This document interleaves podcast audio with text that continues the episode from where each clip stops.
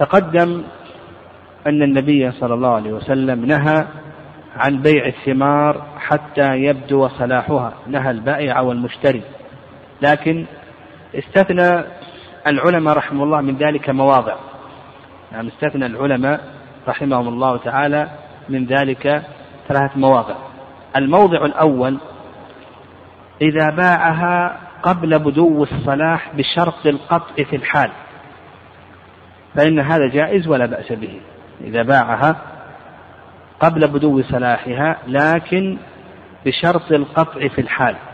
يعني فإن هذا جائز ولا بأس به. يعني عندك بلح أخضر لا يجوز أن تبيعه قبل أن يبدو صلاحه لكن لو بعته على شخص سيقطعه الآن لأنه سينتفع به الآن كعلف البهائم أو نحو ذلك فإن هذا جائز ولا بأس به. لأن العلة انتفت. الحالة الثانية إذا باعه مع الأصل ما باع الثمرة وحدها باع الثمرة والنقيل جميعا جائز. باع الأرض مع الزرع جائز. يعني باع الأرض مع الزرع جائز. يعني إيه، إيه، إيه، لأن هنا ما باع الثمرة منفردة وإنما باع الثمرة مع أصلها والقاعدة أنه يثبت تبعا ما لا يثبت استقلالا. فيجوز بيع الثمرة قبل بدو صلاحها تبعا للأصل. الحالة الثالثة إذا باع الثمرة على مالك الأصل يقولون يجوز. يعني مثلا صورة ذلك يعني صورة ذلك رجل يملك الثمرة وآخر يملك النخيل. يعني وصي لهذا الرجل بأن الثمرة له.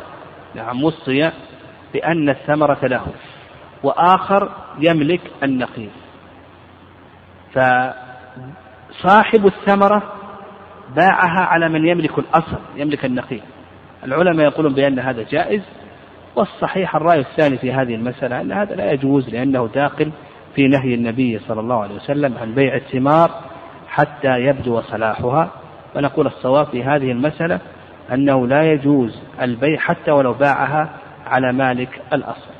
قال المؤلف رحمه الله عن أبي مسعود الأنصاري رضي الله عنه أن رسول الله صلى الله عليه وسلم نهى عن ثمن الكلب ومهر البغي. البغي هي الزانية التي تفعل الفاحشة يعني هي التي تفعل الفاحشة. و نعم ومهر البغي يعني ما تعطاه هذه المرأة على فعلها للفاحشة أو مقابل الاستمتاع بها. مهر البغي المراد به ما تعطاه هذه المرأة. يعني ما تعطاه هذه المرأة مقابل الاستمتاع بها. آه، وحلوان الكاهن. الكاهن هو الذي يدعي معرفة المغيبات المستقبلة.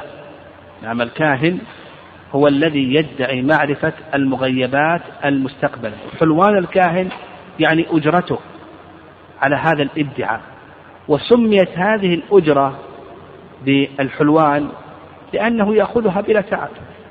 نعم فهي عنده شيء حلو يأخذه بلا تعب ولا نصب ولا كد.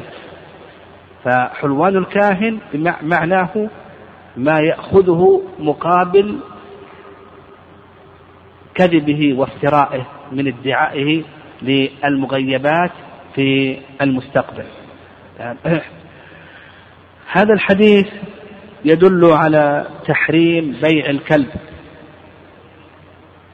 وهو شامل للكلب الذي يحرم اقتناؤه والكلب الذي لا يحرم اقتناؤه.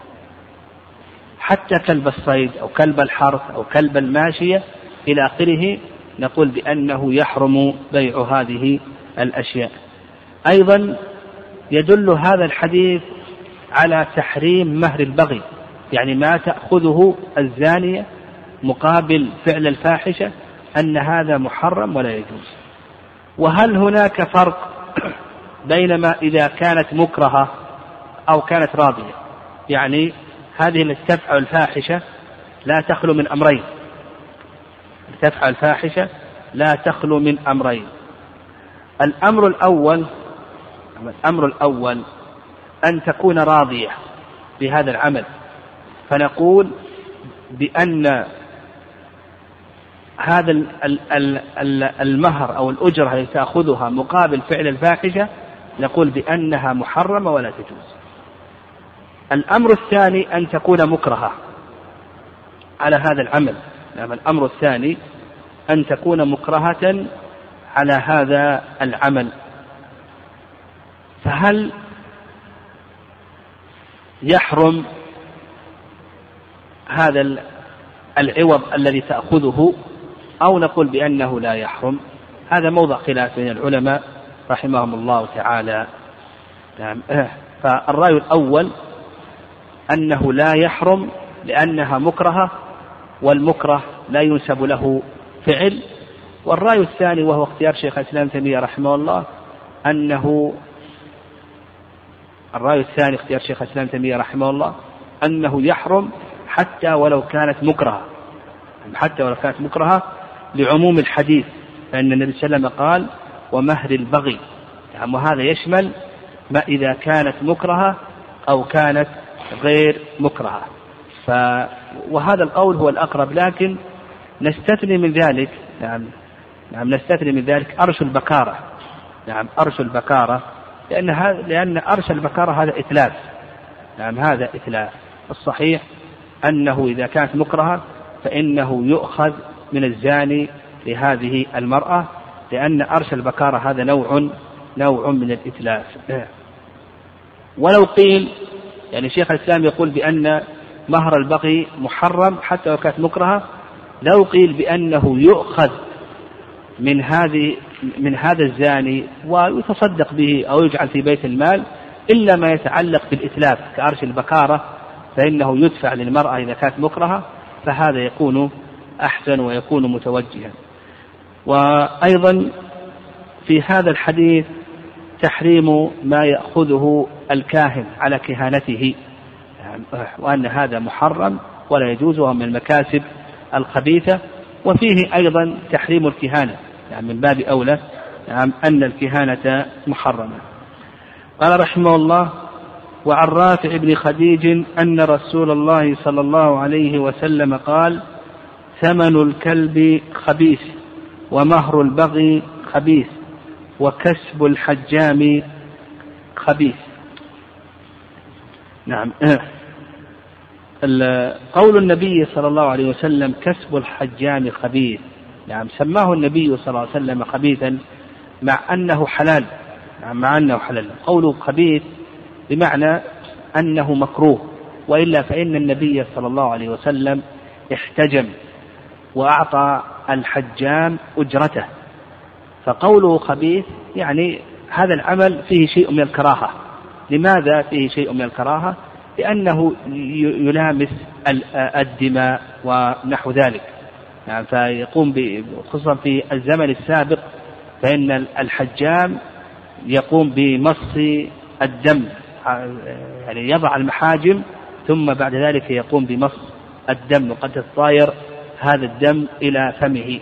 ففيه ملابسة للنجاسة وقد أيضا تذهب النجاسة إلى شيء من فمه ولهذا قال النبي صلى الله عليه وسلم آه، كسب الحجام خبيث. وأما قوله ثمن الكلب خبيث ومهر البغي خبيث معنى أنه محرم. يعني ثمن الكلب محرم مهر البغي محرم وكسب الحجام خبيث لأن الدليل قام على أن النبي صلى الله عليه وسلم احتجم وأعطى الحاجم كسبه أعطى الحاجم أجرته. ويؤخذ من هذا أن الكلب لا يجوز بيعه وسواء كان كلبا يقتنى أو كلبا لا يقتنى كما تقدم. وكذلك أيضا مهر البغي مهر الزانية. نقول بأنه محرم ولا يجوز. وسبق أن ذكرنا التفصيل في هذه المسألة. يعني سواء كان الزنا برضا أو بإكراه كما ذكر شيخ الإسلام تيمية رحمه الله ويؤخذ من هذا أن عمل الحجامة أنه عمل مكروه وأخذ الأجرة على ذلك أنه مكروه لكنه جائز لأن النبي صلى الله عليه وسلم احتجم وأعطى آه، الحاجم كسبه. وفق الله الجميع لما يحب ويرضى يقول لك بالنسبة للحائط كيف تحضر الدروس؟ وهل جلوسها في آخر المصلى يعد اعتزالا له؟ يريد كشف تحضير أسوة بطلبة العلم. نعم بالنسبة لكشف التحضير إن شاء الله يدفع للأخوات الحاضرات. وأما بالنسبة لحضور دخول المرأة الحائض للمسجد فأكثر أهل العلم على عدم على عدم على تحريمه وأن هذا غير جائز خلافا للظاهرية. وهذا الذي يظهر والله أعلم من حيث الدليل. فنقول يعني بالنسبة للحائض وقت الحائض تستغني بآلة التسجيل ونحو ذلك وتستدرك إن شاء الله. وإذا طهرت إن شاء الله تعاود بإذن الله. يقول إذا وجدت ماء كثيرا في صحراء وفيه أوساخ لم تغلب عليه فهل هو طهور؟ إلى آخره. نقول أنت متى شككت في الماء؟ هل هو طهور أو غير طهور؟ الأصل الطهارة.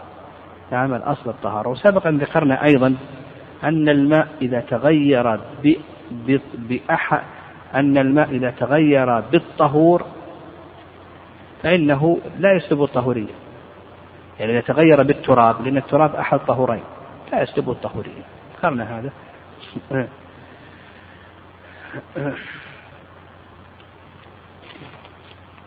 نعم. يقول كيف نقول بأن النبي صلى الله عليه وسلم آه، آه، الواجب ثلاثة أحجار مع أن حديث ابن مسعود أن النبي صلى الله عليه وسلم آه، أخذ الحجرين وألقى الروثة. وأبقى الحجرين.